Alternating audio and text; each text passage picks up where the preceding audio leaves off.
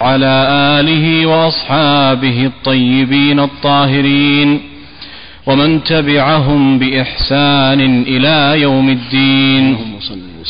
اللهم اغفر لنا ولشيخنا وللحاضرين والمستمعين يا رب العالمين.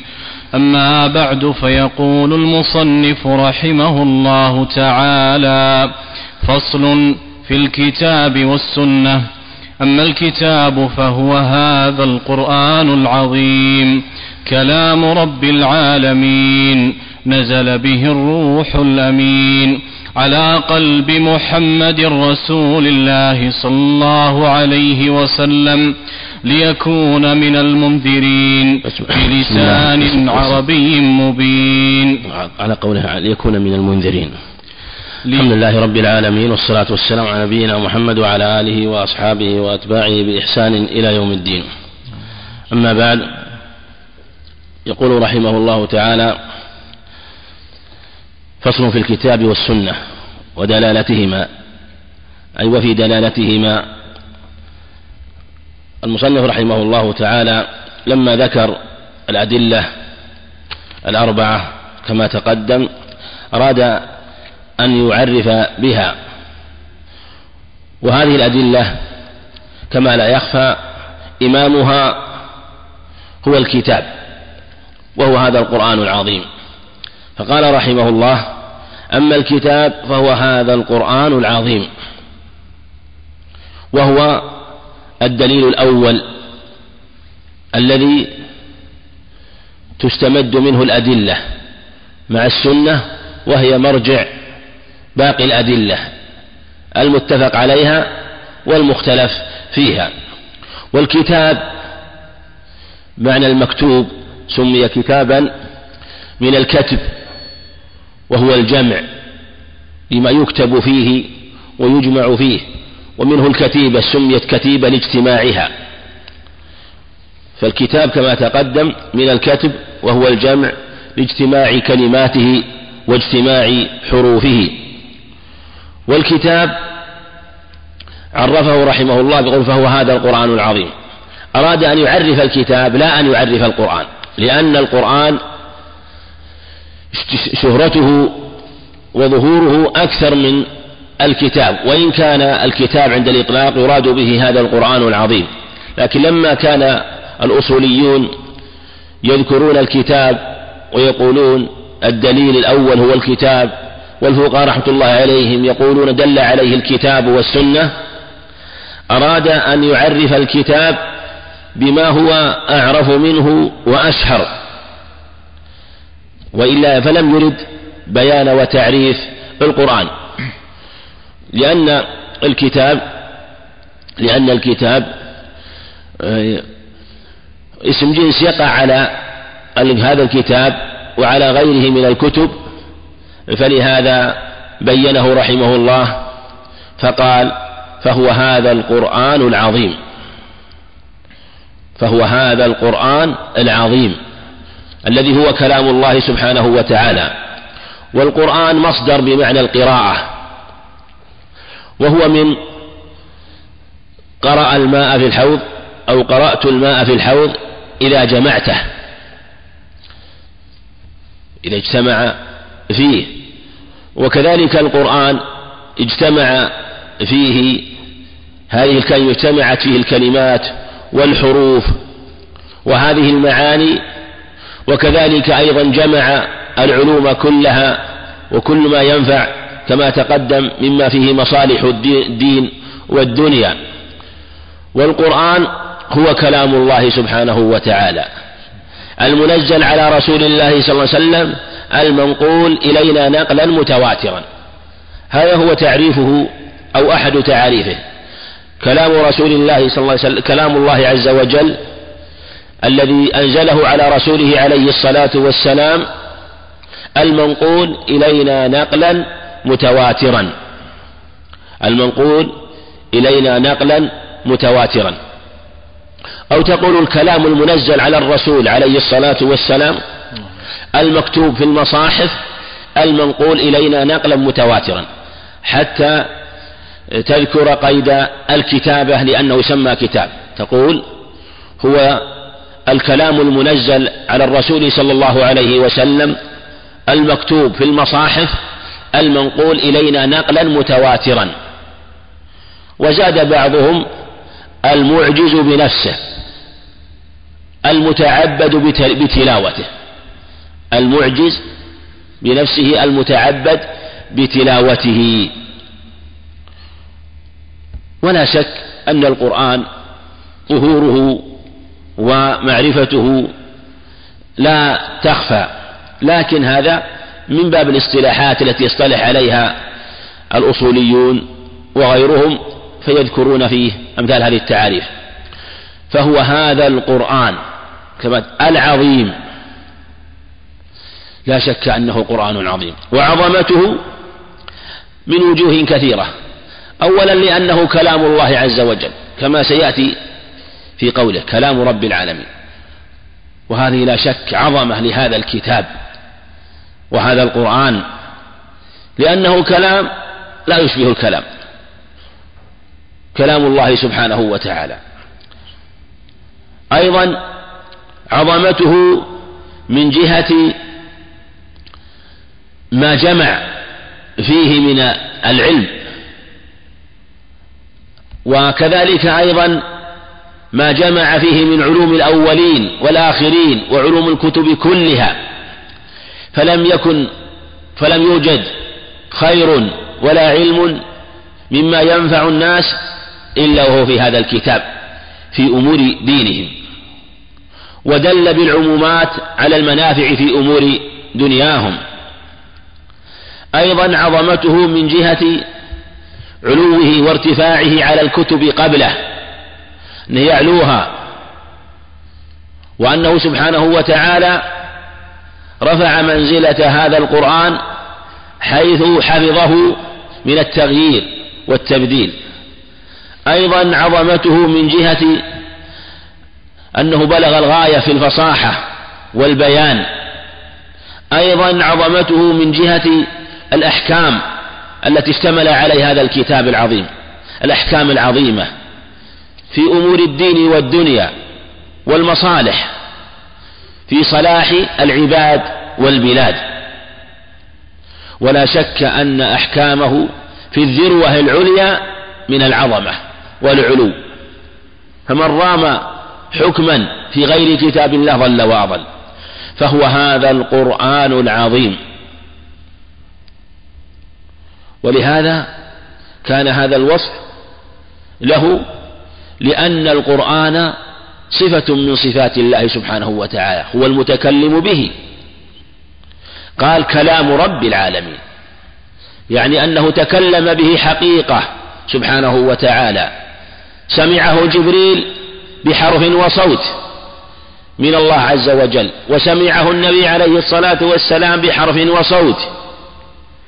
من جبرائيل وسمعه الصحابة رضي الله عنهم كذلك بحرف وصوت من النبي عليه الصلاة والسلام. ولم تزل تدت ولم يزل يتداول وينقل إلى يومنا هذا إلى أن يرفع في آخر الزمان فلا يبقى منه في الأرض آية يرفع من الصدور حينما يأذن الله بخراب هذا الكون. هذا القرآن هو كلام الله. حيثما تصرف فهو كلام الله. هو مكتوب كلام الله. هو مقروء كلام الله. هو مسموع كلام الله. الكلام كلام الله. هو الذي تكلم به سبحانه وتعالى. كما قال سبحانه وإن أحد من المشركين استجارك فأجره حتى يسمع كلام الله. قال يسمع كلام الله.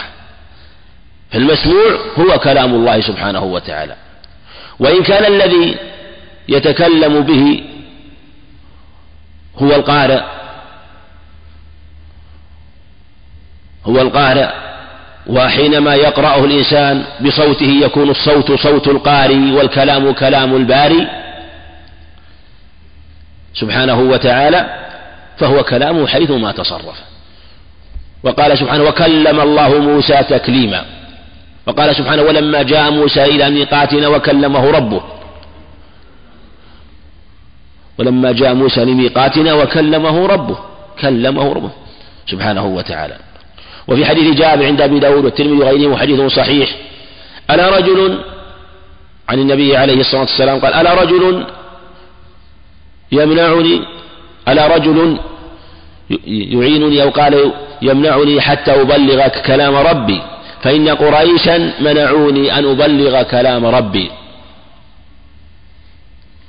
فإن قريشا منعوني أن أبلغ كلام ربي كلامه سبحانه وتعالى. وهذا هو قول أهل السنة قاطبة.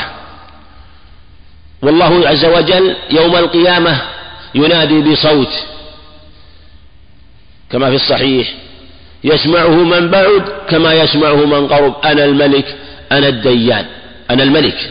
أين ملوك الأرض؟ والديان لفظ آخر. لكن قال يقول أنا الملك. ينادي بصوت سبحانه وتعالى. وجاء ذكر الصوت في أحاديث كثيرة. وهو محل اتفاق من أهل السنة.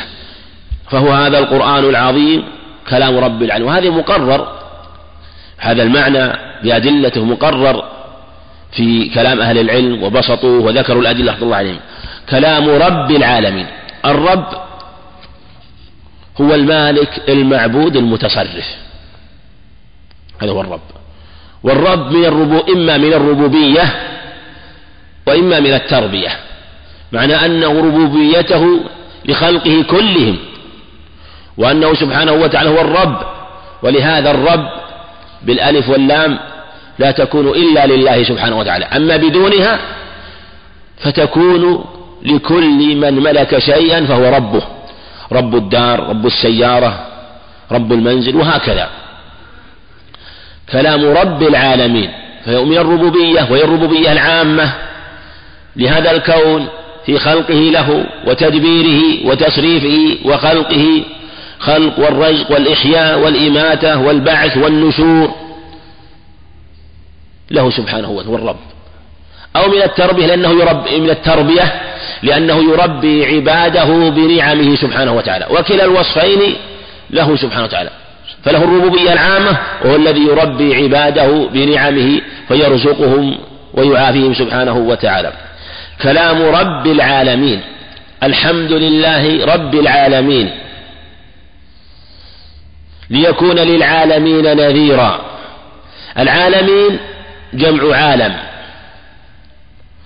قيل إن العالمين هو ما سوى الله عز وجل فيشمل الكون كله أرضه وسماءه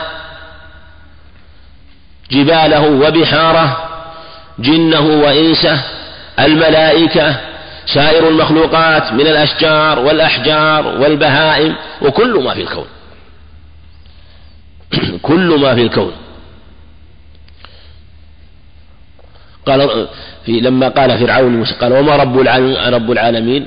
قال رب السماوات والأرض وبينهما إن كنتم موقنين. يعني رب الجميع جميع كل شيء. وقيل إن العالمين هم الجن والإنس لقوله تعالى ليكون للعالمين نذيرا. والنذارة للجن والإنس. قول يا قومنا الجن والإنس لأنهم جاءهم النذر يا قومنا أجيبوا داعي الله.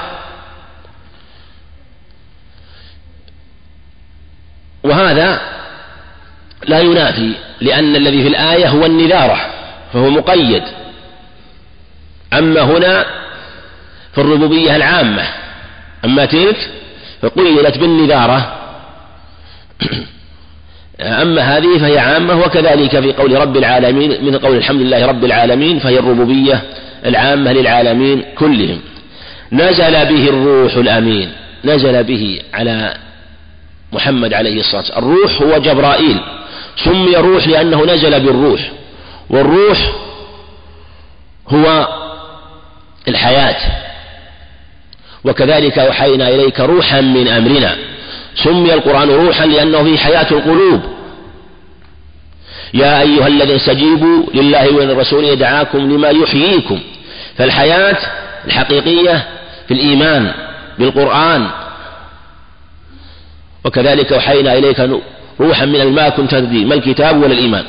ولكن جعلناه جعلناه نورا نهدي به من نشاء من عبادنا.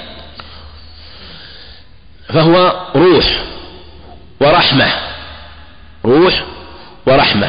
أما الروح بالفتح فهو الرزق.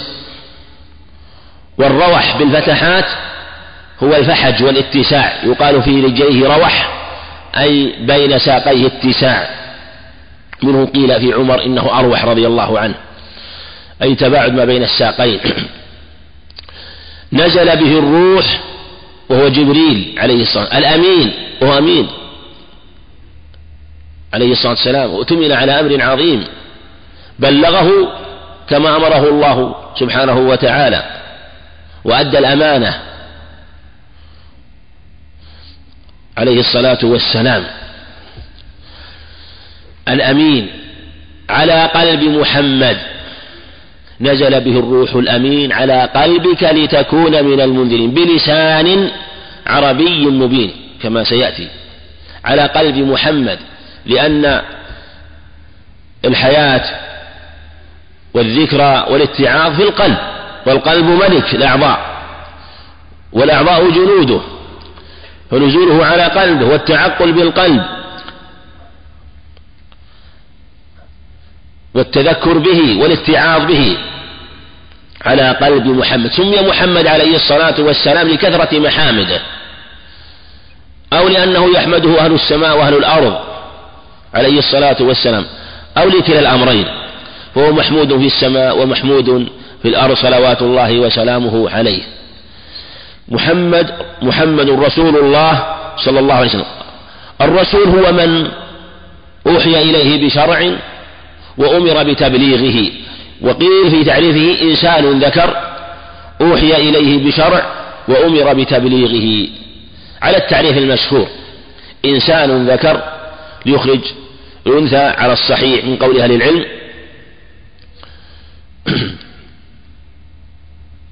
إنسان ذكر قول الإنسان ليخرج الجن. وقيل إن منهم نذر وليس منهم رسل. إنسان أوحي إليه بشرع شريعة مستقلة. وأمر بتبليغه فإن لم يؤمر بتبليغه فهو نبي. وقيل إنهما واحد لقوله تعالى في سورة الحج في سورة الحج وما أرسلنا من قبلك من رسول ولا نبي إلا إذا تمنى ألقى الشيطان في أمنيته فينسخ الله ما يلقي الشيطان ثم يحكم الله آياته والله عليم حكيم. قال وما أرسلنا من قبلك ثم قال من رسول ولا نبي. هر عليه ذكر النبي. وذكر هذا البحث في تقي الدين رحمه الله ذكر بحثا في كتاب النبوات. يحتاج إلى مراجعته والنظر فيه. لكن هذا هو المشهور فيه أنه إنسان ذكر أوحي إليه بشرع وأمر بتبليغه. رسول. رسول الله لفظ الجلال تقدم وأنه من التأله من أله يأله إلهة وألوهية إذا تعبد صلى الله عليه وسلم. صلى أي أثنى. واختلف في الصلاة والصواب فيها أن صلاته سبحانه وتعالى هو ثناؤه في الملأ الأعلى. إن الله وملائكته يصلون على النبي يا أيها الذين صلوا عليه وسلموا تسليما. فالصلاة هو الثناء. يقول الله عز وجل من ذكرني في نفسه ذكرته في نفسي ومن ذكرني في ملأ ذكرته في ملأ خير منهم. بالثناء عليه. وهذا هو قوله بالعالية كما ذكره البخاري رحمه الله. ما معناه؟ رحمك الله. قال ما معناه رحمه الله؟ إن صلاته ثناؤه عليه في الملأ الأعلى ثناؤه عليه في الملأ الأعلى وهم الملائكة. صلى الله عليه وسلم. كذلك السلام. السلام والسلام من النقائص والعيوب. كما قال ابن القيم رحمه, رحمه الله سبحانه كما قال القيم رحمه الله تعالى وهو السلام على الحقيقة سالم من كل عيب ومن نقصان. كل عيب ومن نقصان فالسلام من صفاته سبحانه وتعالى. كذلك لكن يدعى بالسلامة. له عليه الصلاة والسلام بأن صلى الله عليه وسلم. ولهذا السلام اسم من أسماء الله. كما روى البخاري في أدب المفرد بإسناد جيد. أنه عليه الصلاة والسلام قال السلام اسم من أسماء الله. وضعه الله في الأرض. فأفشوه بينكم. والتحية تحية أهل الإسلام.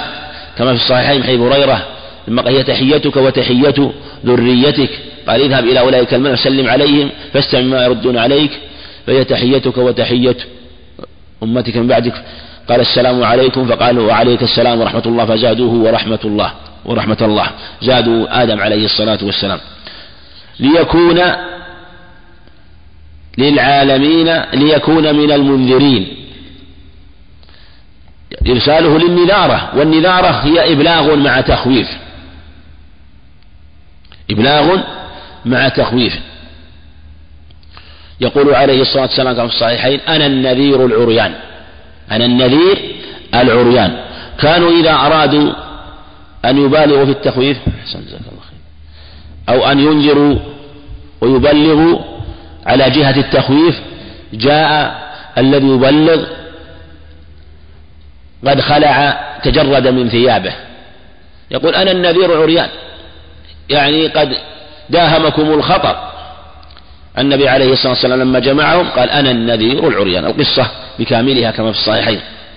ليكون من المنذرين. نعم. وقوله نزل به الروح الأمين إشارة إلى الآية التي في قوله في سورة الشعراء.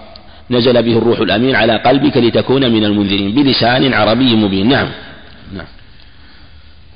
يقول المصنف رحمه الله تعالى بلسان عربي مبين للناس كافة في كل ما يحتاجون إليه من مصالح دينهم ودنياهم. نعم.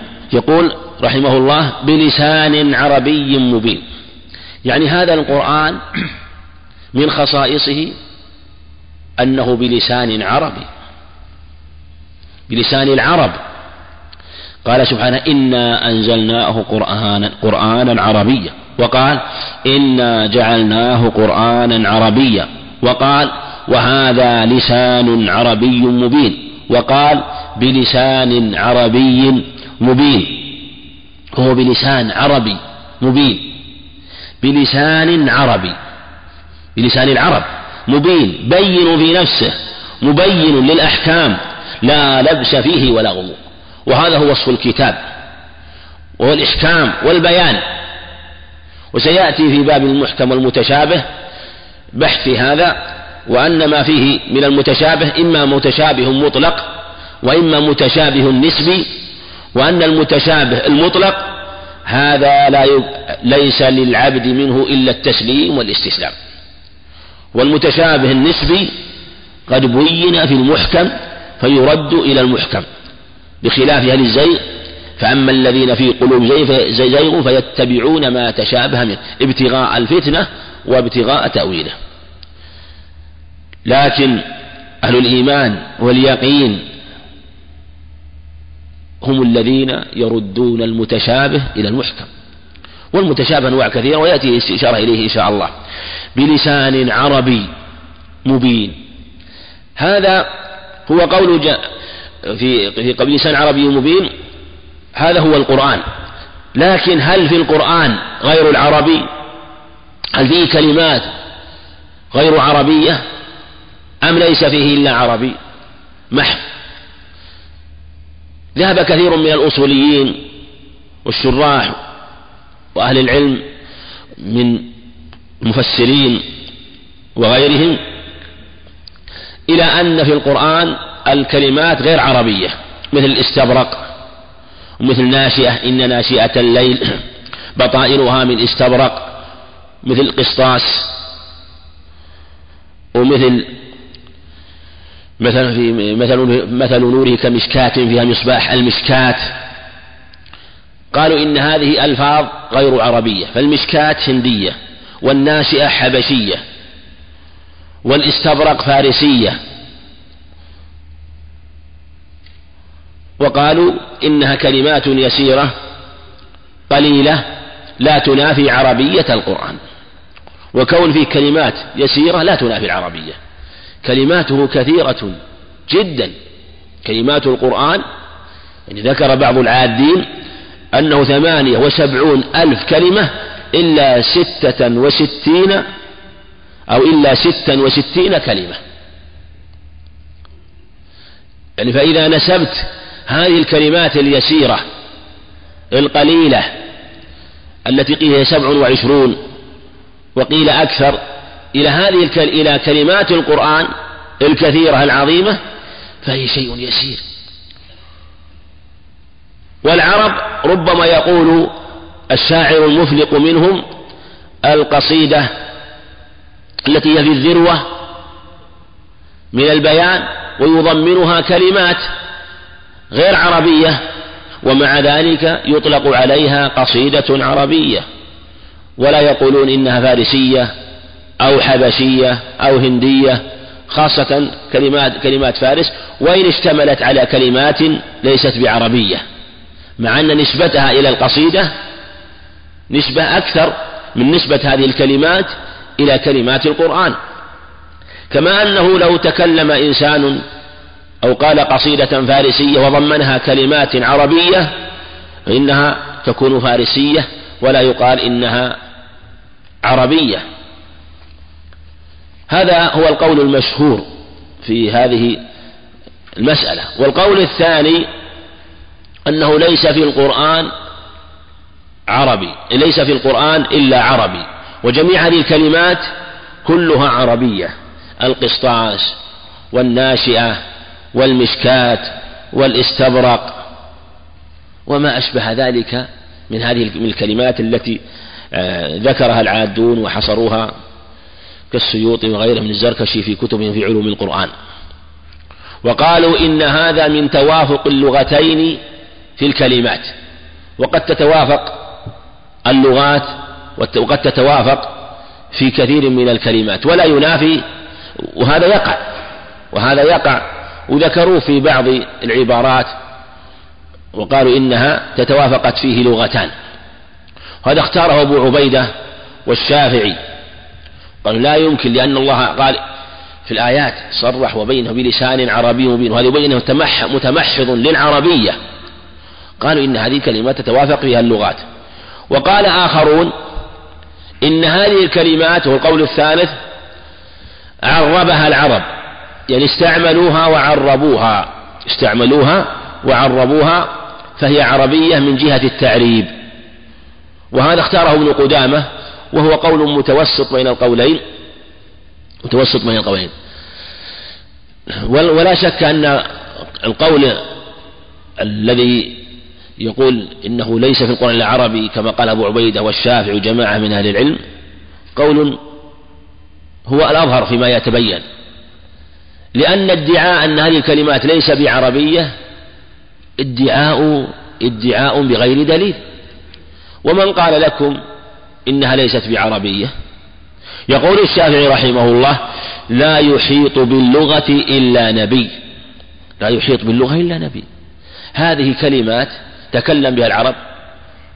ولو كانت ليست بعربية لوجد الكفار سبيلا إلى القرآن وقالوا إن فيه كلمات ليست بعربية. كلمات سمعوها ولم يستنكروها فدل على أنها من توافق اللغتين ولا يستنكر هذا. هذا يقع أحيانا في بعض العبار الكلمات بعض اللغات يكون فيه تقارب. مثل العبرية مع العربية في السروال والشروال هذا بالمهملة وهذا بالمعجمة. وقد تكون عندهم إيه، مثلا فتوافقت ولا يكون فرق إلا مثلا بتحريك حرف أو زياد نقط أو ما أشبه ذلك وهذا لا يستنكر. وهذا هو الأقرب في هذه المسألة. بلسان عربي مبين للناس. الناس هم جميع الخلق. قل أعوذ برب الناس ملك الناس إله الناس. ربوبيته سبحانه وتعالى وملكه وإلى جميع الناس. والناس من النوس وهو التحرك أو من الأنس لأنه يأنس بعضهم ببعض. وكلا الاشتقاقين صحيح وهو من النوس مثل من قول تلك المرأة كما في صحيح البخاري عن عائشة في قصة حديث أم زرع أناس من حلي أذني. يعني جعلت قالت امتلأت بالحلي فجعل ينوس ويتحرك ويضرب بعضه بعضا فيكون له حركات. أناس من حلي أذني فجعل يضطرب بعضه بعض ويتحرك. أو من الأنس وهو أنس بعضهم بعض لأن الإنسان مدني بالطبع. كافة هو رسول لكافة الناس عليه الصلاة والسلام لجميع الناس. قل يا أيها الناس إني رسول الله إليكم جميعا وما أرسلناك إلا كافة للناس بشيرا ونذيرا. لعموم الناس. وقال عليه الصلاة والسلام إني أرسلت إلى كل أحمر وأبيض إلى كل أحمر وأسود إلى جميع الناس. وهذا كله في الصحيح. في كل ما يحتاجون إليه. كما تقدم أن هذه الشريعة جاءت بجميع المصالح والمنافع مما يحتاجون إليه من مصالح دينهم ودنياهم. فأصلح لهم دينهم بما أمرهم به وما نهاهم عنه وأصلح لهم دنياهم بأن أباح لهم الطيبات وحرم عليهم الخبائث. فلله الحمد على ما شرع ولله الحمد أولا وآخرا على ما أنعم بمنه وكرمه. نعم. يقول المصنف رحمه الله تعالى وهو المقروء بالألسنة المكتوب في المصاحف المحفوظ في الصدور الذي لا يأتيه الباطل من بين يديه ولا من خلفه تنزيل من حكيم حميد. نعم. يقول رحمه الله تعالى وهو أي هذا القرآن المقروء. وهذا معنى القرآن لأنه مقروء. بالألسنة. يعني كيفما تصرف؟ هو قرآن نقرأه بالألسنة بأصواتنا كما تقدم. المكتوب في المصاحف. وهذا تقدم الإشارة إليه أنه المنزل الكلام المنزل على رسول الله صلى الله عليه وسلم المكتوب في المصاحف المنقول إلينا نقلا متواترا. المكتوب في المصاحف. سمي المصحف مصحف لأنه يجمع الصحف. يجمع الصحف وهو مكتوب في المصاحف. المحفوظ في الصدور المحفوظ في الصدور. يعني هو كيفما قرئ تلي من كتاب من صحيفة قرأه الإنسان من صدره فهو كتاب الله. وهذه أمة كما يروى في الأثر وإن كان في ثبوت نظر أناجيلها في صدورها. كما في قوله تعالى وما كنت تتلو من قبله من كتاب ولا تخطه بيمينك إذا لارتاب المبطلون. بل هو آيات بينات في في صدور الذين أوتوا العلم وما يجحد بآياتنا إلا الظالمون. بل هو آيات بينات في صدور الذين أوتوا العلم. قال في صدور الذين أوتوا العلم. وهذا هو معنى قوله المحفوظ في الصدور. والله عز وجل قد حفظ هذا القرآن. إنا نحن نزلنا الذكر وإنا له لحافظون. إنا نحن نزلنا الذكر وإنا له لحافظون. فهو محفوظ بحفظ الله ومن حفظ الله له سبحانه وتعالى أنه محفوظ في الصدور. يتلوه الإنسان قائما ومضطجعا وماشيا ومصليا في جميع أحواله يتلوه. كان عليه الصلاة والسلام كما في صحيح مسلم عن عائشة يذكر الله على كل أحيانه. الذين يذكرون الله قياما وقعودا وعلى جنوبهم. وأعظم الذكر هو القرآن. المحفوظ في الصدور. هذا القرآن أيضا محفوظ من الباطل بحفظ الله سبحانه وتعالى.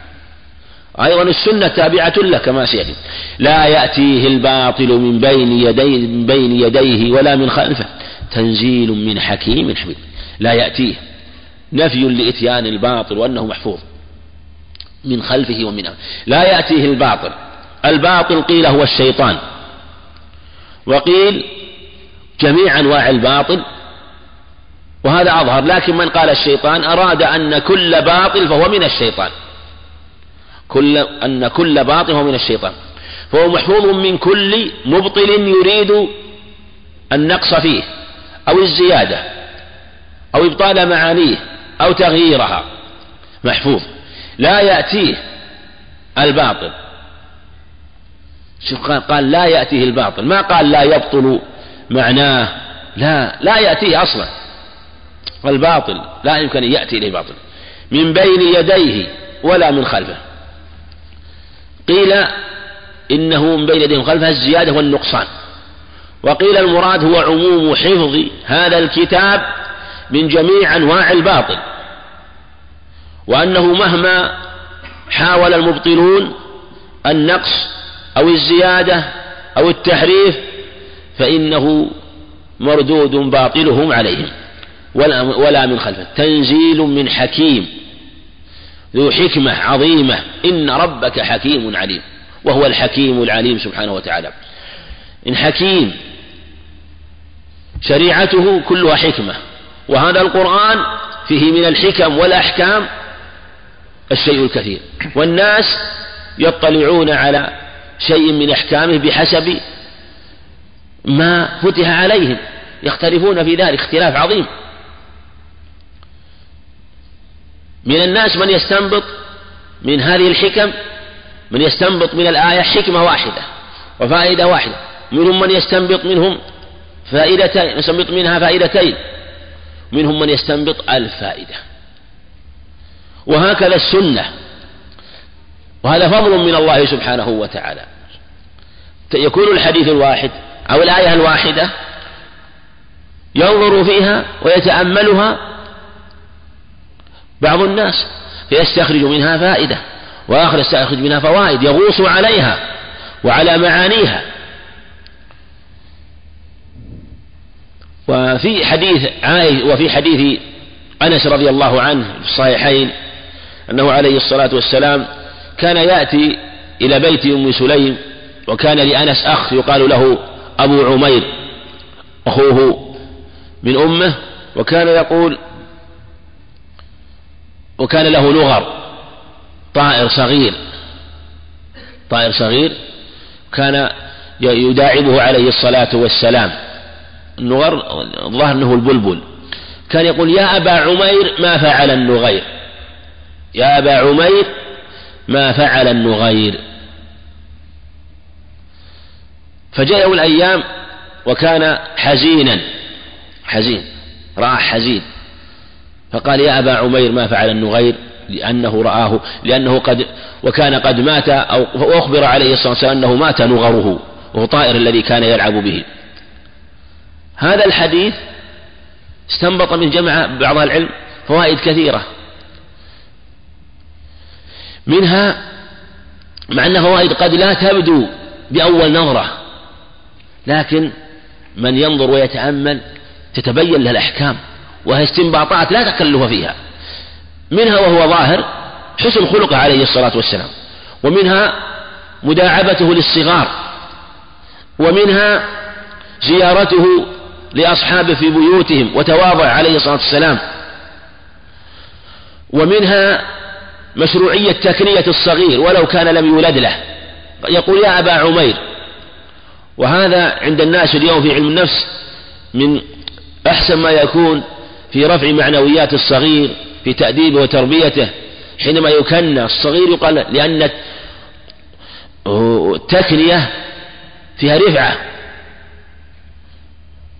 يعني مثل ثم كما كما يقال أكنيه لأكرمه ولا ولا ألقبه والسوءة اللقب. يعني اللقب اللي يشعر بالذم لأن اللقب هو ما شعر مدح أو ذم والكنية ما صدر بأب أو أم والاسم هو العلم. هنا قال يا أبا عمير يعني كناه. وفيه تكنية من لم يولد له أيضا. لو إنسان ليس له ولد يكنى. لذا كنيت عائشة رضي الله عنها بأم عبد الله وهي لا ولد لها. ومنها جواز إدخال الطير من الحل إلى الحرم حرم المدينة لا بأس. ومنها جواز حبس الطير إذا كان لا يؤذى إلى غير ذلك. فالمقصود أن هذا يجري أيضا في كل النصوص من الكتاب والسنة في استنباط الفوائد والحكم. وهذا من فضل الله سبحانه وتعالى. تنزيل من حكيم حميد. حميد فعيل بمعنى محمود. أنه المحمود على كل حال. محمود في نفسه سبحانه وتعالى. في ذاته. ومحمود أيضا على أفعاله. وما ينعم به سبحانه وتعالى. ومع ذلك إذا حمد العبد ربه فإن الله سبحانه وتعالى يجازيه. بل إنه إذا أنعم الله عليه نعمة فحمد الله عليها كان ما أعطى خيرا مما أخذ كما رواه ابن ماجه عن أنس. ما أعطى خيرا مما أخذ. يعني مما أكرمه الله سبحانه وتعالى بأن هيأه للحمد والثناء عليه سبحانه وتعالى. نعم. يقول المصنف رحمه الله تعالى وأما السنة فإنها أقوال النبي صلى الله عليه وسلم وأفعاله وتقريراته على الأقوال والأفعال. نعم. يقول رحمه الله تعالى السنة. السنة هي لها معنى اصطلاح معنى في اللغة ومعنى في الاصطلاح. معناها في اللغة هي الطريقة. حميدة كانت أو ذميمة. حميدة كانت أو ذميمة. هذه السنة. وهي الطريقة. وتقدم أيضا معنى أن السنة تقدم معنى أنها من سننت الشيء إلى ماذا؟ من سننت الماء؟ إذا صببته ها؟ على وجه إذا صببته إذا صببته من سن الماء على الوجه. أو من السن. أو من المسن. لتأثيره. فكأن الذي يسير على الطريق يؤثر فيه بسيره. فهي إذا إذا كانت من سننت الماء إذا أسلته فلأن الذي يسير على الطريق كأنه ماذا؟ منصب عليه. أنت سائر في الطريق الآن؟ علوت عليه وكأنك منصب عليه. فالسنة التي تسير عليها لاجتهادك في سلوكها كأنك منصب عليها مجتهد في سلوكها. ولهذا يقال هو على السنة. أهل السنة. على طريقة السنة يعني ملازم لطريقهم سائر عليه ممسك به ملازم له. مثل ما يلازم الإنسان الطريق الذي يؤدي إلى المقصود فلا يحيد عنه كذلك أيضا من سننت الماء على وجه إذا صببته. تصبه عليك وتتابع صبه عليك. كذلك أيضا تتابع السير على هذا الطريق وتسير عليه أو من المسن وهو التأثير بالشيء من سننت الشيء بالمسن إذا أثرته لأن السائر عليه عليها ملازم لها لا يفارقها وهو بسيره ظهر أثره في سيره على هذا الطريق. وأثره يدل على تمسكه بها لظهور أثره في هذا الطريق. فهذه هي السنة من جهة من جهة اللغة. أما الاصطلاح فقد قال رحمه الله فإنها أقوال النبي صلى الله عليه وسلم. هذه أولا. أقواله وأفعاله وتقريراته. على الأقوال والأفعال. يعني ثلاثة أمور. قول وفعل وتقرير. هذا هو المشهور. وهنالك تعاريف أخر للسنة ذكرها بعض العلم لكن هذه أشمل التعاريف في السنة. هي قول النبي يعني كل ما تكلم وتلفظ به عليه الصلاة والسلام من قول هو سنة. مثل قوله الدين النصيحة. وقوله من عمل عمل ليس عليه أمرنا فهو رد. قوله صلوا كما رأيتموني أصلي. وقوله خذوا عني مناسككم وقوله إنما الأعمال بالنيات قوله كل المسلم على المسلم حرام المسلم أخو المسلم وما أشبه ذلك. وكذلك في باب الأحكام جميع أقواله المنقولة عنه عليه الصلاة والسلام. هذه كلها من السنة وهي أظهر السنن المنقولة عنه عليه الصلاة والسلام. وأفعاله أفعاله تشمل ما ينقل عنه من أفعاله في صلاته ومن حجه فهذه كلها من أفعاله في وقوفه بعرفة وقوفه بمزدلفة ومن طوافه ومن سعيه وكذلك صلاته بالناس في ركوعه في سجوده فجميع أفعاله المنقولة هذه كلها من السنة. وتقريراته التقريرات هذه أمر منفصل عنه لكنه أقر غيره عليه. وهو ما يفعل بين يديه عليه الصلاة والسلام فيراه فلا ينكره. وهذا إما أن يكون قولا أو فعلا. إما أن يكون قولا أو فعلا. فكل مثلا من الأفعال من الأقوال يعني ما جاء في الصحيحين من حديث عبد الله بن مسعود رضي الله عنه أن حبرا من اليهود قال إن الله يضع السماوات على إصبع والأراضين على إصبع والشجر على إصبع والجبال على إصبع والثرى والأشجار على إصبع عد خمسة أصابع. والنبي فضحك النبي عليه الصلاة والسلام تبسما تبسم عليه الصلاة والسلام مقرا له في أمر عظيم باب التوحيد صفة من صفاته سبحانه وتعالى. وإثبات صفة الأصابع. ثابت في الأحاديث كثيرة لكن الشأن تمثيل لإقراره. من وكذلك أيضا ما ينقل مما يسمعه عليه الصلاة والسلام من أصحاب من أي قول من الأقوال من أصحابه ومن غيرهم ولا ينكره. فإنه يكون من السنة. من الأفعال لما أكل الضب بين يديه عليه الصلاة والسلام. أو أراد أن يأكل لما وضع الضب فأراد أن يأكل فقالوا إنه ضب فكف يديه عليه الصلاة والسلام. قال خالد فاجتررته وهو ينظر فأكلت منه فأقره. لكن جاء في رواية أنه قال أحرام هو؟ قال لا. قال فاجتررته فعلى هذا يكون من من الأفعال من الأقوال. وهو من الأفعال من جهة أنه آه، يعني أقر غيره حينما جاء إن وجد أحد فجعل يأكل كما لما رأى خالدا يأكل بين يديه ولم ينكر عليه عليه عليه الصلاة والسلام. من ذلك أيضا ما ثبت في الصحيحين من حديث عائشة أن مجزز المدلجي رأى أسامة بن زيد وزيد عليهما قطيفة عليهما قطيفة.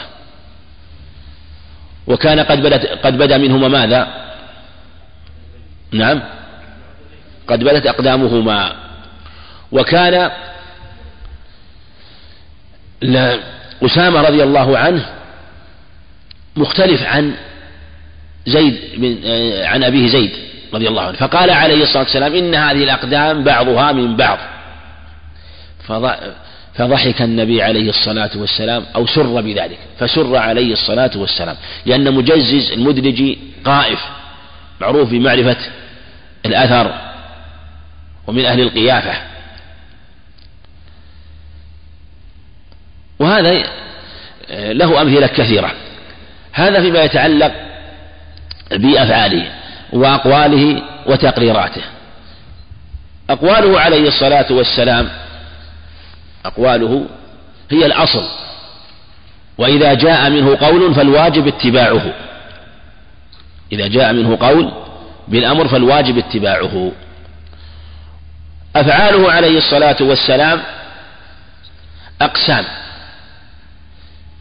هل جميع أفعاله عليه الصلاة والسلام كلها على المشروعية أو فيها ما ليس من المشروع معنى أنه من أفعال الجبلية.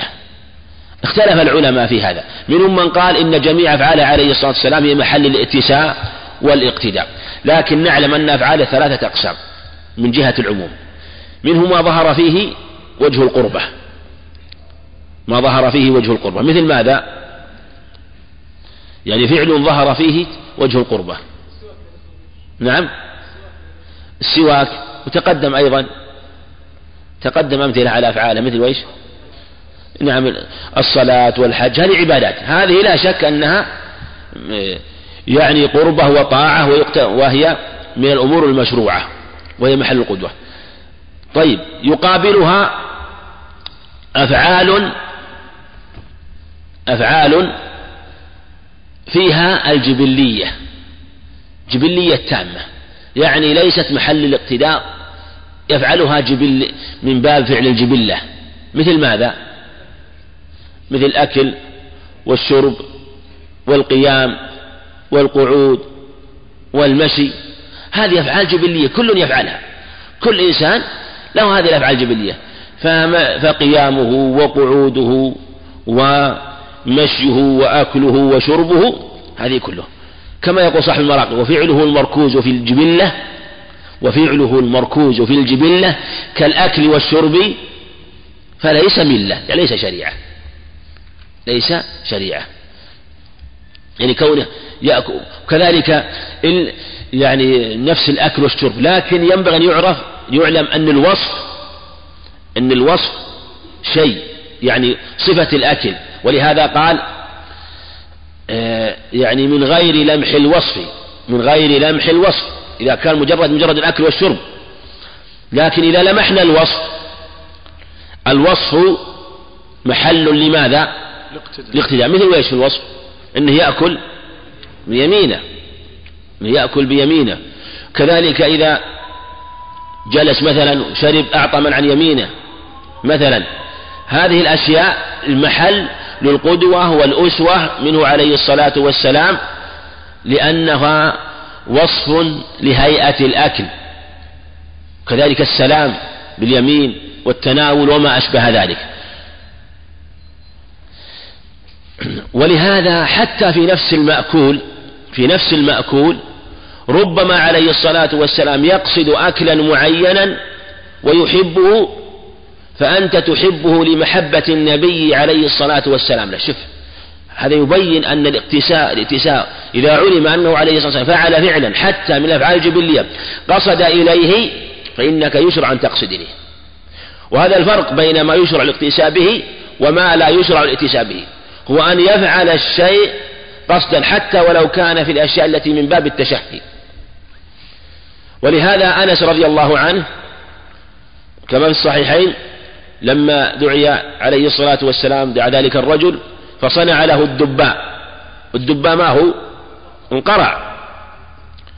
فجعل النبي عليه الصلاة والسلام يتبع الدباء صحفة قال أنس فلم أزل أحب الدباء. وكان وفي جاء في رواية في أظنها عند النسائي قال نكثر به طعامنا يعني يقصد الدباء. كان أنس إذا صنع طعاما أمر أن يجعل فيه شيء من الدباء رضي الله عنه. وكان عليه الصلاة والسلام يتمجع اللبن والزبد ويقول هما الأطيبان. قال دخلت على النبي صلى الله عليه وسلم يتمجع لبنا بزبد ويقول إنهما الأطيبان. وكان أيضا ربما تناول شيئا من الطعام وأضاف إليه آخر. فالمقصود أن هذا إذا فعله إنسان اتساء واقتداء به عليه الصلاة والسلام يؤجر على هذه النية. فالمقصود أن الوصف في الفعل أمر مقصود. الوصف في الفعل أمر مقصود غير نفس الفعل في ذاته. هذا هو القسم الثاني هو القسم الذي هو جبل يفعله جبلة. القسم الثالث هو ما كان بينهما. لم تظهر فيه القربة محضة ولم تظهر فيه الجبلية محضة. وسط بينهما. مثل ماذا؟ وش يظهر لكم؟ نعم. هذا محتمل لكن هو إدامته عليه عليه الصلاة والسلام يدل على أنه قصد ذلك. قصد ذلك حيث داوم عليه وكان يرجل شعره عليه الصلاة والسلام. لكن هنالك أشياء يعني أظهر لأن الشعر محل بحث أيضا محل بحث يعني. نعم. العمامة. لكن العمامة هذه من باب اللباس يعني مثل إزار والرداء الإزار والرداء مثل العمامة. يظهر والله أعلم أنها لباس يعني آه، أن هذا اللباس لبسه لأن الناس يلبسون في زمانه. هذا هو الظاهر والله أعلم. نعم نعم. نعم صفة المشي. أي نعم هذا ورد في حديث أنس. نشير إليه إن شاء الله.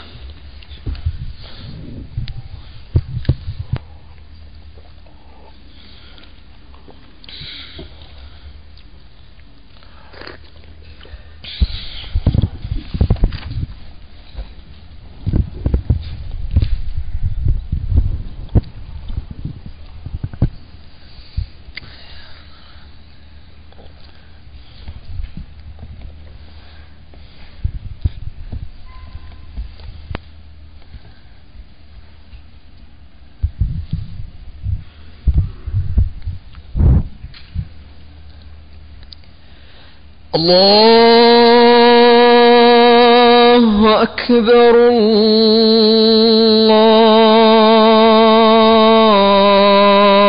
الله أكبر الله أكبر. الله أكبر الله أكبر. أشهد أن لا إله إلا الله. أشهد أن لا إله إلا الله.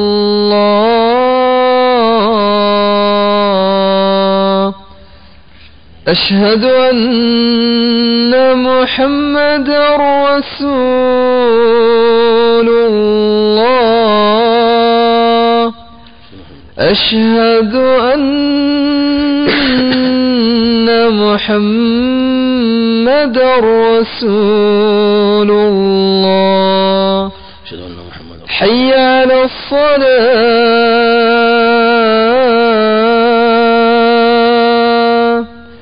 حي على الصلاة.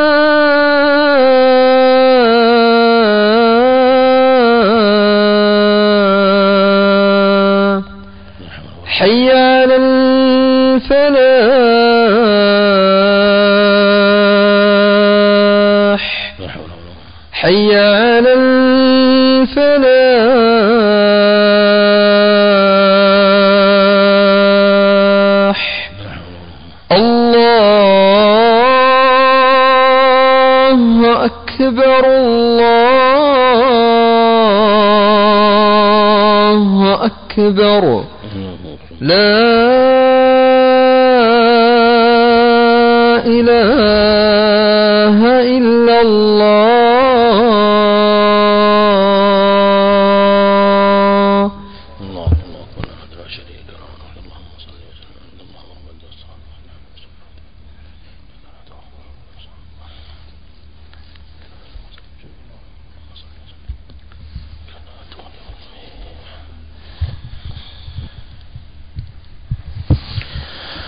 الحمد لله رب العالمين. نعم كما تقدم نعم تقول مثال اللي هو مسألة المشي أنه نعم كان في حديث أنس وحديث علي وحديث أبي الطفيل ورد عدة أخبار.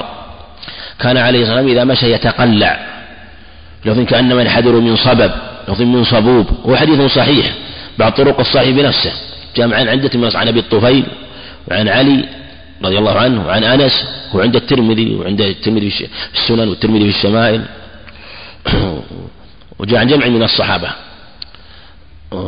كأنما ينحط من صبب لفظ ينحدر من صبب في لفظ يتقلع كأنه يقلع رجله قلعا عليه الصلاة والسلام من قوة شدة من قوة من من همته في عزيمته واجتماع أعضائه عليه الصلاة والسلام. هذا ليظهر والله أعلم أنه آه، يعني يعني قد يكون من هذا الباب أنه محتمل أنه جبلة ومحتمل أنه من السنة. وهذا ليظهر أنه من الجبلة ظهرت فيها وجه القربة. لأنه كما قال عليه الصلاة والسلام المؤمن القوي خير وأحب إلى من الضعيف. يشهد لهذا الحديث. المؤمن القوي خير وأحب الله من الضعيف.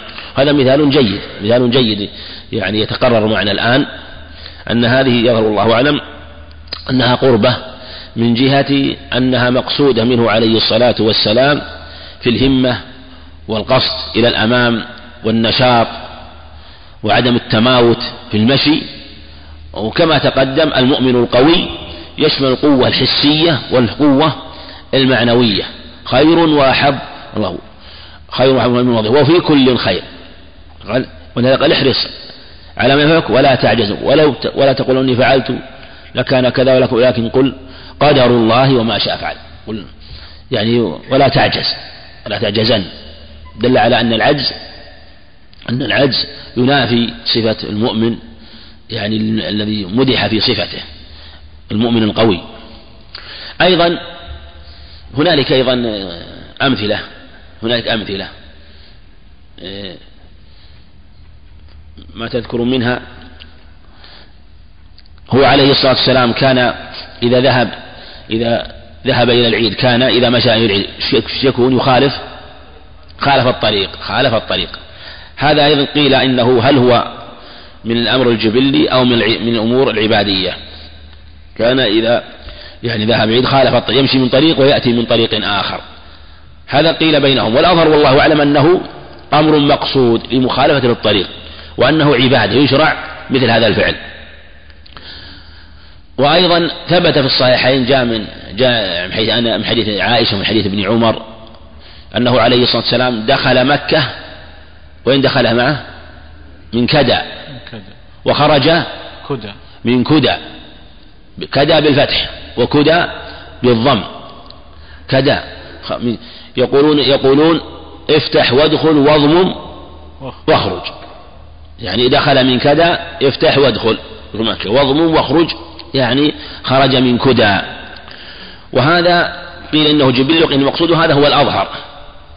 هذا هو الأظهر أنه آه، أن دخول وفي اللفظ الآخر دخلها من أعلاها وخرج من أسفلها من أسفلها عليه الصلاة والسلام. خروج. أيضا من ذلك هنالك نعم الاكتحال. نعم الاكتحال كذلك والحجامة لأن هذه فيها فيها منافع دنيوية منافع دنيوية. هي من هذا الباب أيضا هي من هذا الباب. هل هل تقال إنها قربة؟ جاء في حديث ابن عباس من طريق عباد بن منصور ورواه الترمذي رواه أبو الشيخ أيضا. له وللشاهد آخر عند أبي الشيخ يؤيد طريق عباد بن منصور من حديث ابن عباس قواه بعضهم به آه، وفيه اختلف في الاكتحال في عدد الاكتحال اختلاف فيه. وظاهر تصرف كثير من العلم أنه سنة وأنه مشروع لأنه وصفه بأنه أجلى للبصر وأنه يزيل القدم من العين. وكذلك أيضا هنالك أمور يختلف فيها لكن وجه القربة فيها أظهر. مثل الاضطجاع على الشق الأيمن اضطجاع ضجعة الفجر بعد سنة الفجر. كان عليه الصلاة والسلام يضطجع على شقه الأيمن بعد ركعتي الفجر. قيل إنه يضطجع لكي يرتاح. وقيل يضطجع يرتاح من قيام بعد طول قيامه في الليل عليه الصلاة والسلام.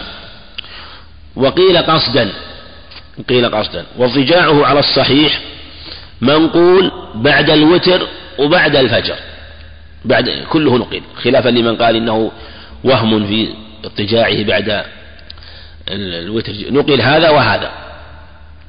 ولهذا قالت عائشة رضي الله عنها في الصحيحين ما ألفاه السحر عندي إلا نائما. إلا كان يقوم كما وصف لي عبد الله بن عمرو رضي الله عنهما قيام داود قال كان ينام نصف الليل ويقوم ثلثه وينام سدسه. يعني كان ينام ثلاثة أسداس الأولى. ويقوم السدس الرابع والخامس وينام السدس السادس. هذا موافق لحديث عائشة في أنه كان يرتاح في آخر الليل. قالت ما ألفاه السحر عندي والسدس الأخير. قد يكون قبل ذلك إلا نائما. وهذا الأظهر والله أعلم أنه قربة وسنة. الأظهر أنه قربة وسنة لأنه فعل في عبادة وصفة في عبادة. هذه قاعدة كل ما يكون صفة في عبادة وإن كان في الأصل جبلي فهو قربة. مثل المسجد إن كان يوم العيد إذا ما إذا ذهب إلى المسجد المصلى خالف الطريق. كذلك لما أنه قصد لما ذهب إلى مكة ودخل من أعلاها وخرج من أسفلها من جهة شبيكة من هناك لما خرج من, هنا من تلك الجهة عليه الصلاة والسلام قصد إلى ذلك مع أنها ليست على طريقه كان قصده لذلك يدل على أنه قصد ذلك قصد ذلك.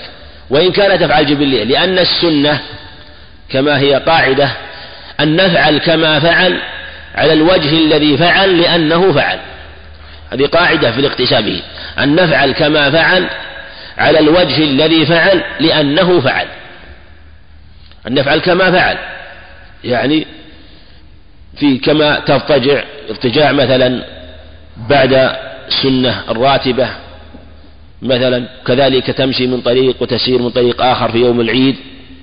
إذا أمكن ذلك تقصد إلى المكان الذي قصد في الصلاة فيه عليه الصلاة والسلام تذهب إلى قبى وتقصد الصلاة فيه لكن ما تذهب إلى غيره من المساجد. كما يفعل كثير من المبتدعين اليوم تتبع المساجد السبعة الصلاة فيها. لا نقصد مسجد قباء نصلي فيه لأن النبي عليه الصلاة والسلام كان يصلي يوم الجمعة في مسجده ويوم السبت يصلي في قباء. كان يبتدئ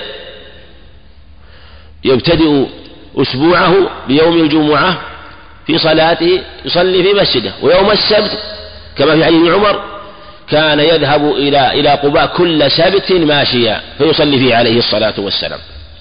في حديث أبي أسيد أنه قال صلاة في قباء كعمرة كعمرة أو تعدل عمرة كما عند الترمذي إسناد لا بأس به.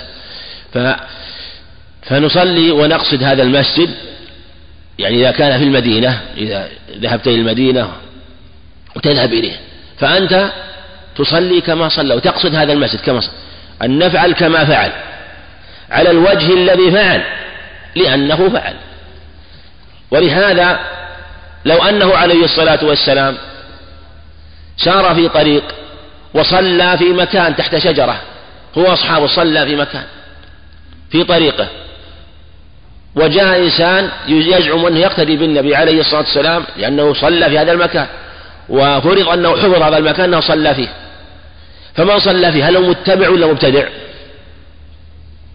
هو لا اللي صلى في مكان النبي ما قصده وافق في طريقه. مبتدع. هذا هذا في الحقيقة عند العلم يدخل في حد البدعة. يدخل في حد البدعة. لأنك لأنه عليه هل قصده أو صلى اتفاقا؟ اتفاقا. اتفاقا. ولهذا من صلى في هذا المكان هل هو مؤتسي ولا مخالف؟ مو مخالف. يعني أنت أن تفعل كما فعل على الوجه الذي فعل لأنه فعل. فهذا فعل ذلك وقصد إليه. لأنه قصد ذلك فعل ذلك وقصد إليه عليه الصلاة والسلام. وهذه قاعدة في هذه الأمور كلها. وابن عمر رضي الله عنه آه، كان يشدد في هذا وكان يقصد إلى الأمكنة لكن ما كان يداوم عليها. وهذا روي عن أحمد رحمه الله جماعة أنه إذا كان ليس على وجه المداومة جاز مثل ذلك دخل في عموم الاتساع. دخل. أما الاتباع كثرة فعل ذلك فلا. والأظهر والله أنه لا يشرع مطلقا. الأظهر أنه لا يشرع مطلقا. هذا هو الأظهر في هذه المسألة. ومسألة الأفعال هي كثيرة لكن ما تقدم يعني جملة من أحكامها. نعم قوله. يقول المصنف رحمه الله تعالى فالأحكام الشرعية تارة تؤخذ من نص الكتاب والسنة وهو اللفظ الواضح الذي لا يحتمل إلا ذلك المعنى. نعم وتارة. وتارة تؤخذ من ظاهرهما وهو ما دل على ذلك على وجه العموم اللفظي. أو المعنوي. نعم. يقول رحمه الله قف على هذا. يقول إن الأحكام الشرعية وأدلة الأحكام الشرعية وأدلتها تؤخذ تارة من نص الكتاب والسنة. هذا هو الأصل. وأن غالب الأحكام الشرعية نصوص. النص الكتاب والسنة. الكتاب هو القرآن. والسنة هو ما تقدم من أقواله وأفعاله وتقريراته.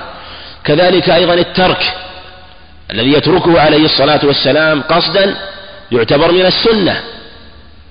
يعني من السنة هو الترك كما ترك الأذان والإقامة للعيدين وصلاة الكسوف والاستسقاء تركه فتركه سنة. فإذا علم أنه تركه قصدا فنترك. تارة تؤخذ من نص الكتاب. النص ما هو؟ النص معناه في اللغة هو الكشف والظهور. ومنه المنصة وهو السرير أو الكرسي ومنه منصة العروس التي توضع. فنص الشيء هو رفعه وظهوره. كما قيل وجيد كجيد الريم ليس بفاحش إذا هي نصته ولا بمعطل يعني ليس خالي من الحلي. نصته أي رفعته. فالنص هو الرفع ومنه النصوص ومنه نص الحديث. نص الحديث هو رفعه إلى النبي عليه الصلاة والسلام أو إلى غيره. نص الحديث إلى أهله فإن الخيرة في نصه. يعني حينما ترفعه إلى من تنقله عنه. نص تنص إلى فلان بحسب ما ينتهي إليه.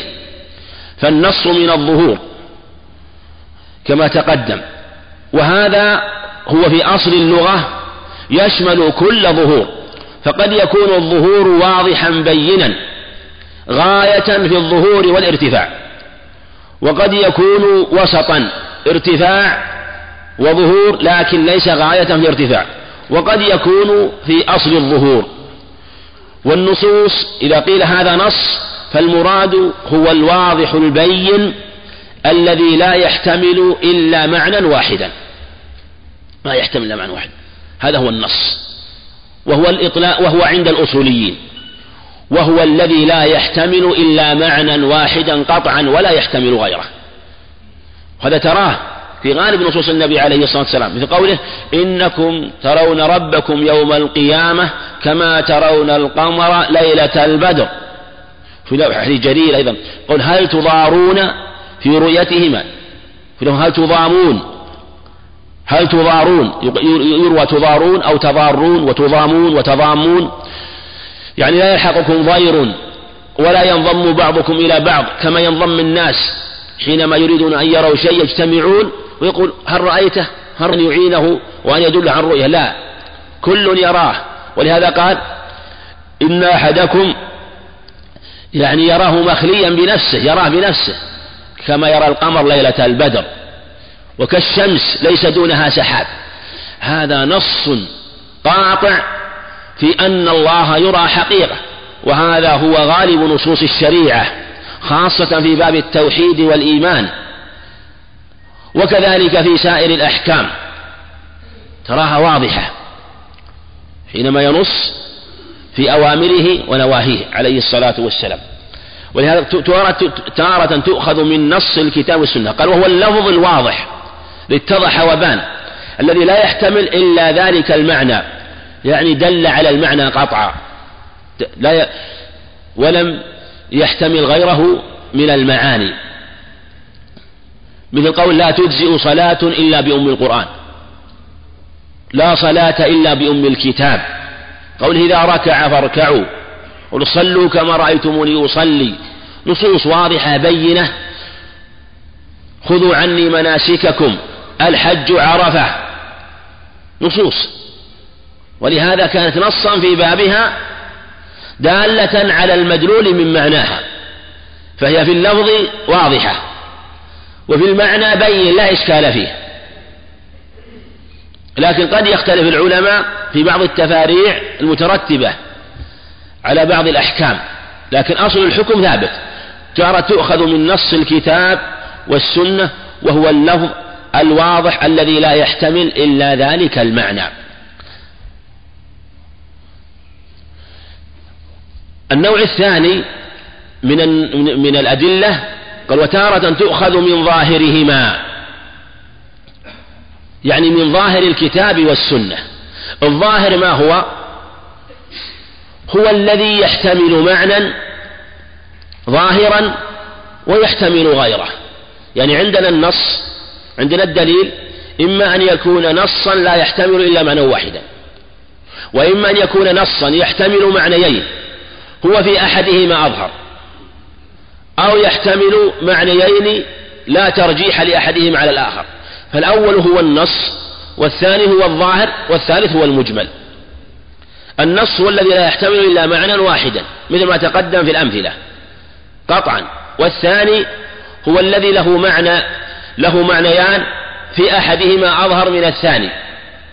أحدهما أظهر من الثاني. الثالث هو الذي له معنيان محتملان.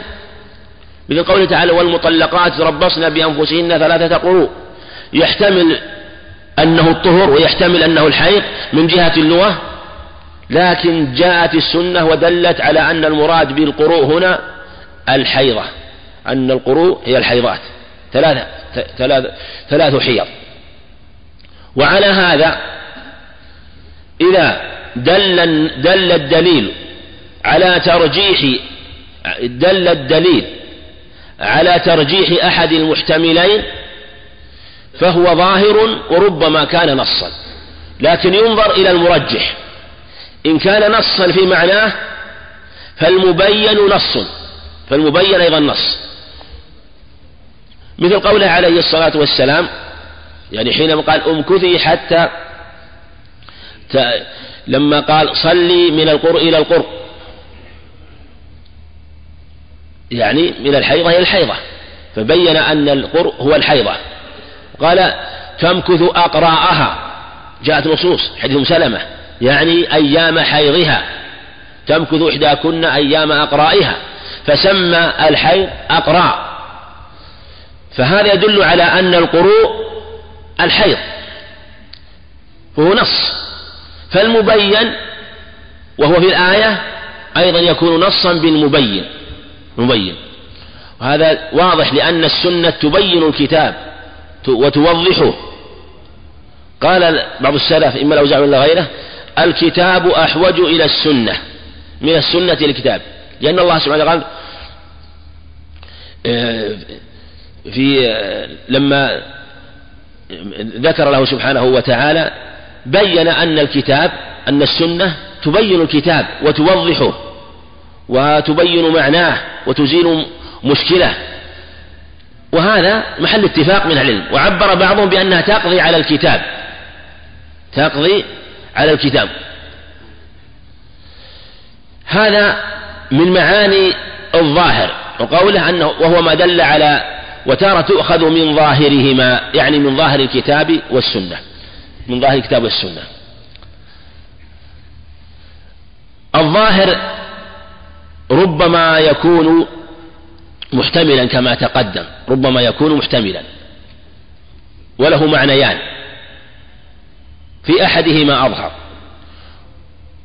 ويكون المرجوح هو المراد أحيانا. مثل قوله عليه الصلاة والسلام الجار أحق بسقبه. ويظن بسقبه. وفي صحيح البخاري الجار حق يعني بشفعة جاره. السقب هو الجار في اللغة من معانيه الجار.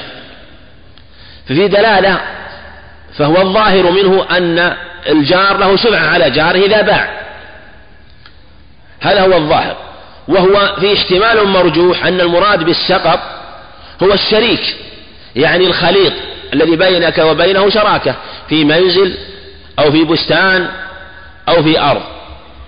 وهذا محتمل احتمال مرجوح. هذا الاحتمال المرجوح ربما يكون هو الراجح للدلالة من نص آخر. في حديث أبي هريرة اللي عند الأربعة وحديث لا بأس به أنه عليه الصلاة والسلام قال إذا كان طريقهما الجار أحق بشفعة جاره إذا كان طريقهما واحدا. فإذا حدت الحدود والطرق فلا شفعة.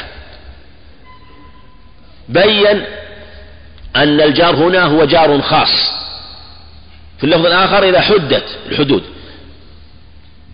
وإذا كان طريق واحد. بين أن المراد بالسقب هنا هنالك شراكة. إما في طريق خاص مثل طريق سد بينهما يشتركان فيه أو بينهما أرض مشتركة ففصلت هذه من هذه. فظهر أن السقب هو الجار الشريك الخليط وترجح هذا الاحتمال بالدليل الآخر. فكان ظاهرا. فكان ظاهرا. فالمقصود أن النصوص تؤخذ من ظاهرها أي من ظاهر الكتاب والسنة وهو ما دل على ذلك قال وهو, وهو ما دل على ذلك على وجه العموم على وجه العموم. أيضا أو على وجه الظهور العموم اللفظي من عموم النص. يعني ليس نصا قاطعا إنما هو محتمل إنما هو محتمل.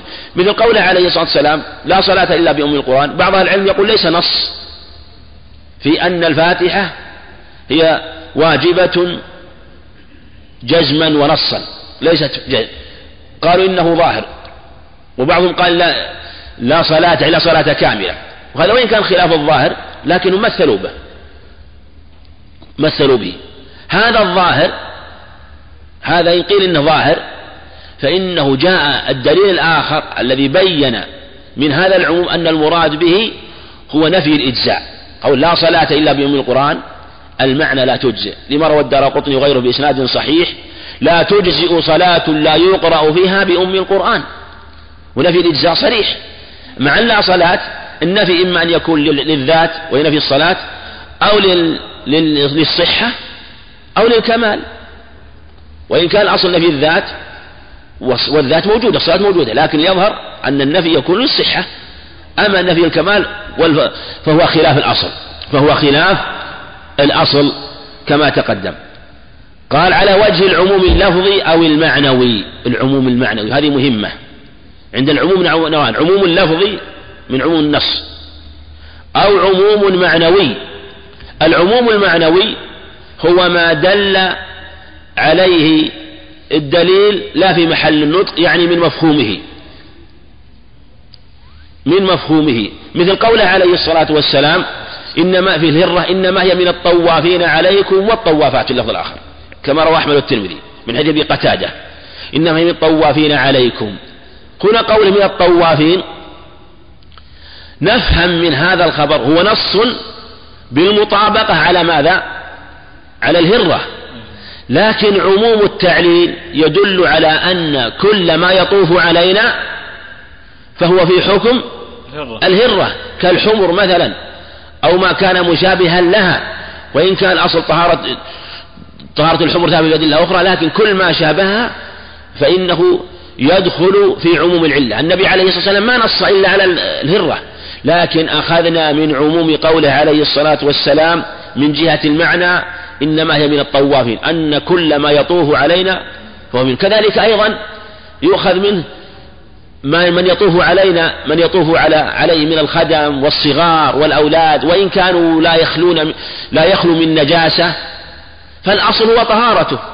ولقال سبحانه طوافون عليكم يطوفون بالخدمة والقيام بأمر البيت فلطوافهم يكون حكمهم حكم ما طاف من جهة الطهارة. أيضا في قوله عليه الصلاة والسلام في الغنم في سائمتها في الزكاة ما ذكر الغنم في السائمة.